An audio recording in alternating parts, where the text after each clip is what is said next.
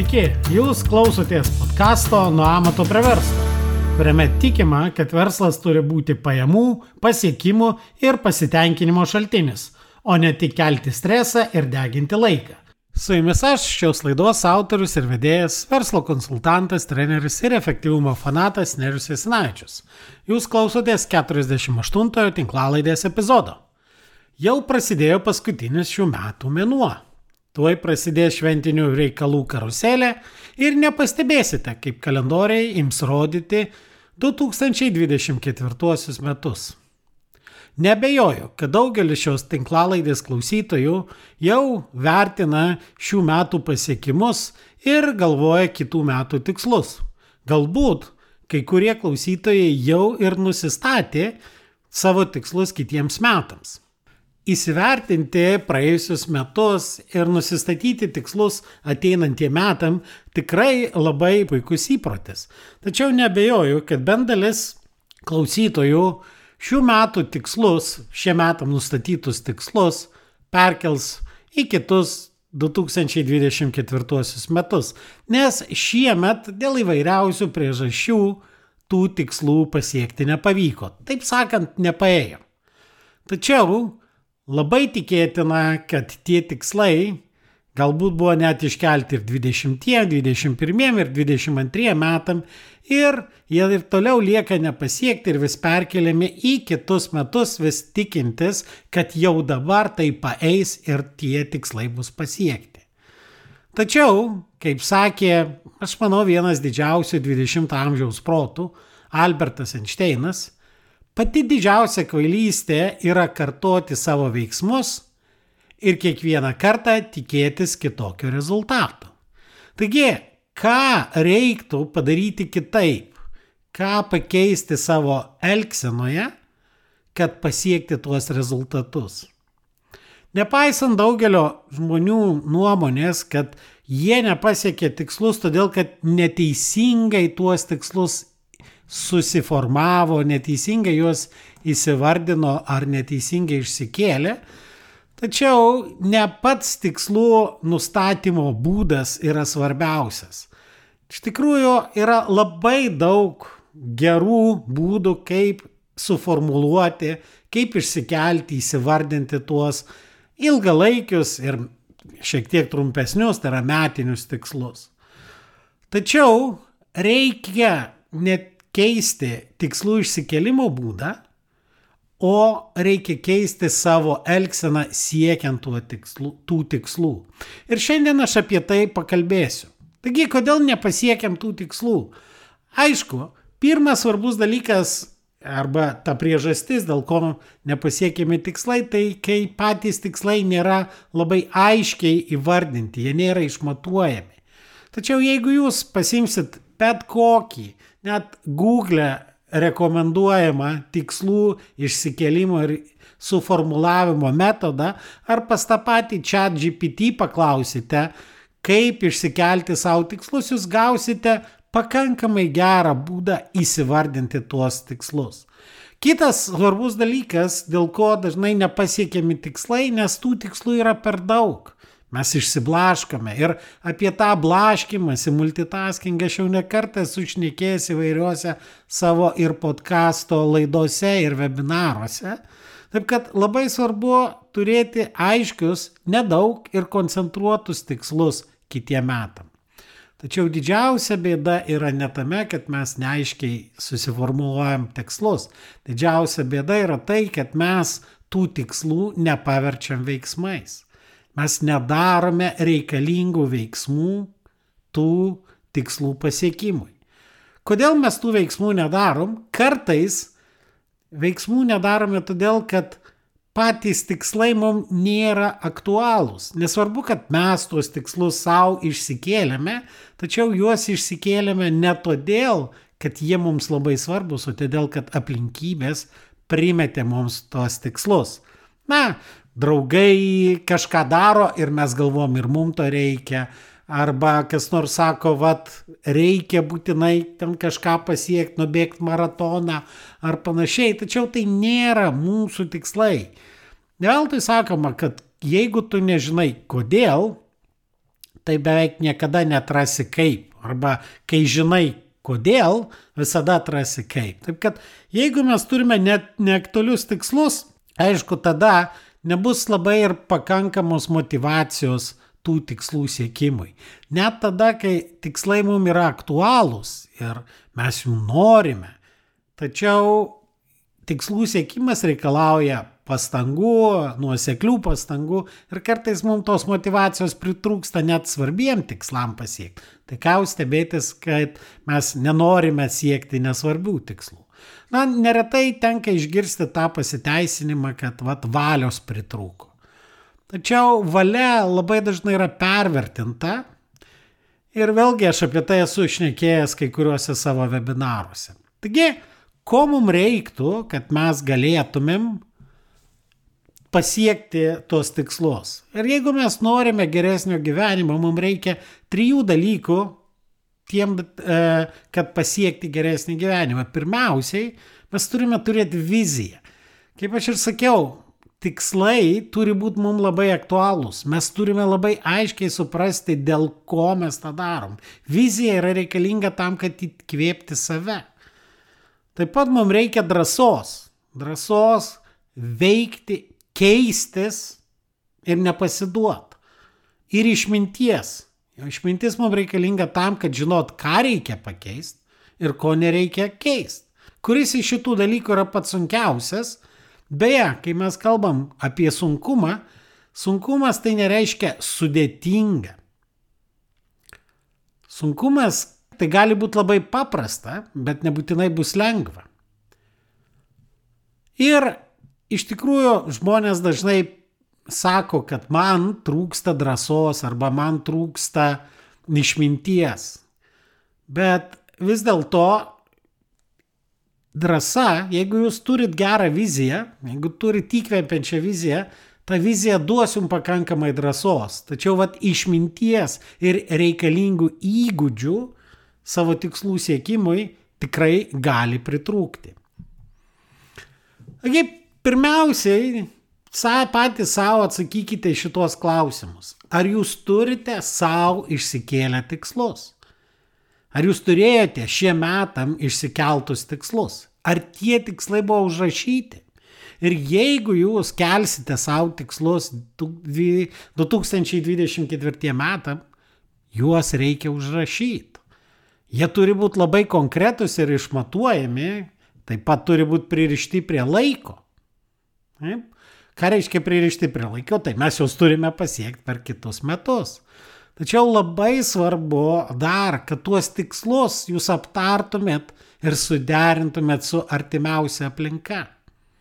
Kad žmonės, kurie jūs supa, būtų informuoti apie tuos tikslus ir jie suprastų, kodėl jūs tų tikslų siekėt ir jie, tie žmonės, padėtų jums arba bent jau netrukdytų tuos tikslus siekti. Ir tada bus daug lengviau tuos tikslus pasiekti. Apskaitai, kodėl reikia turėti aiškiai užrašytą tikslą?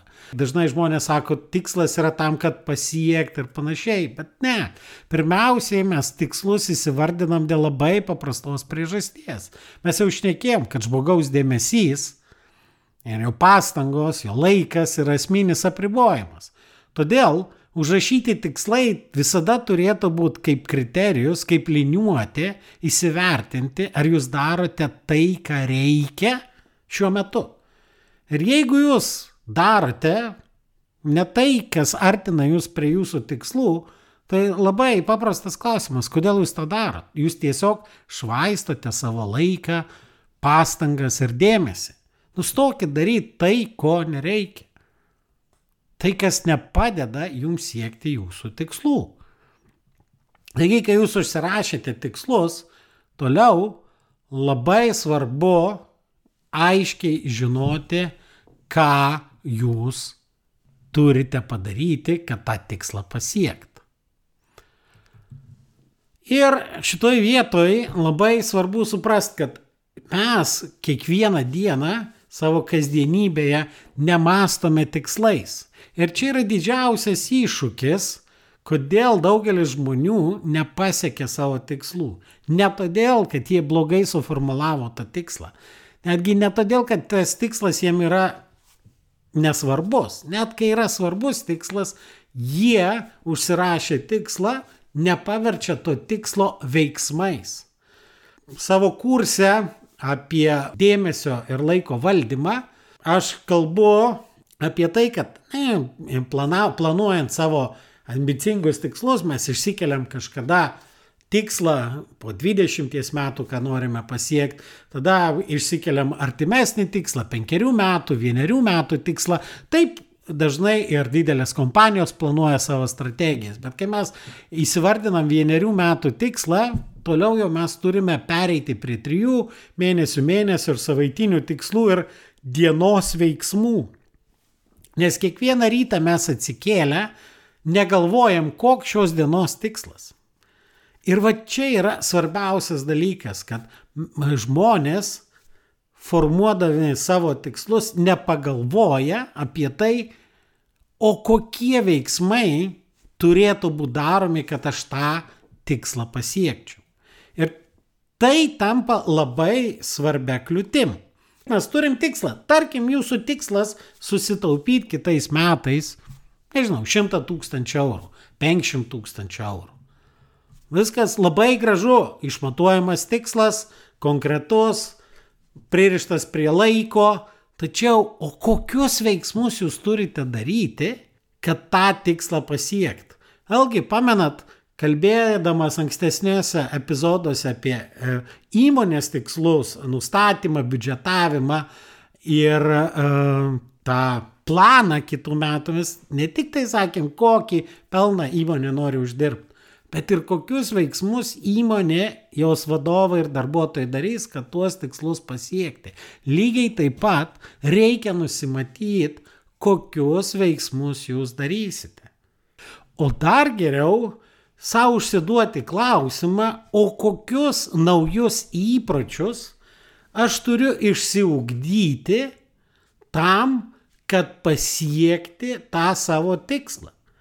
Nes jeigu jūs norite pasiekti tikslą, kurio jūs, jūs išsikėlėte tikslą, reiškia, jūs to neturite, ir cituojant Koko Chanel, reikia prisiminti, kad jeigu nori turėti tai, ko niekada neturėjai, turi pradėti daryti tai, ko niekada nedarėjai.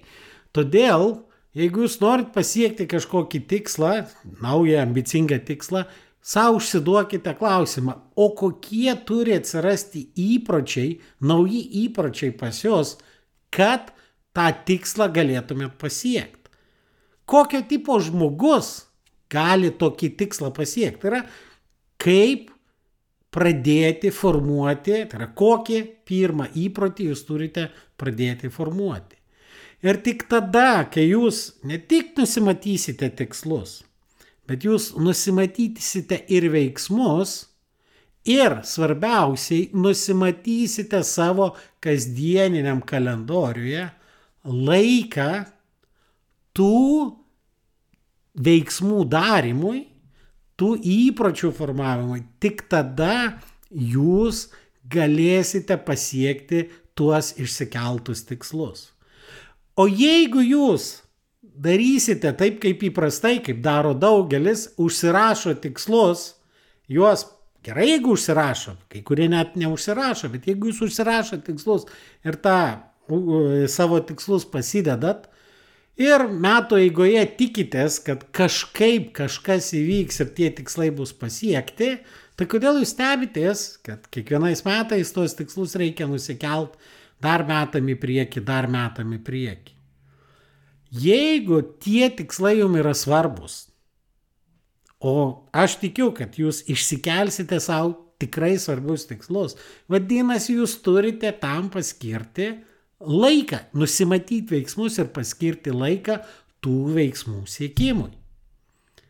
Neveltui sakoma, kad tikslai, tam tikri tikslai, tai yra kaip, kaip na, antrosios pusės sakant, susiradimas. Juk kai jūs sutinkate, na, tarkim, kitą žmogų, e, kuris jums patrauklus, labai retai, kada jūs galite sakyti, tiksliau sakant, matyti, niekada taip nevyks, kad per pirmą pasimatymą ar pirmą net susitikimą, ne pasimatymą, jau galima sakyti, o, klausyk, gal jau tuokiamės. Ne, pirmiausiai viskas prasideda nuo nedaug, tai susitinkam, tai kava, tai pasimatymas, tai dar kažkas. Ir tik tada, kai po tam tikrų pastangų, tam tikro laiko pasiekiamas tam tikras tikslas. Lygiai taip pat neužtenka nusistatyti tikslą, bet reikia nusimatyti reguliarius pasimatymus su tuo savo tikslu. Tai yra laiką, kada jūs skirsite pastangas ir savo dėmesį to tikslo siekimui. Todėl tie, kurie dar nepasidarėt savo kitų metų tikslų, arba tie, kurie jau ir pasidarėt kitų metų tikslus, pagalvokite pasižiūrėkite, ar prie tų tikslų jūs jau nusimatėte savo veiksmus, kuriuos jūs darysite ir tuos veiksmus turite pradėti daryti nuo pirmos kitų metų savaitės. Gerai, galbūt ne sausio pirmą, bet jau nuo sausio antros jūs turite pradėti daryti.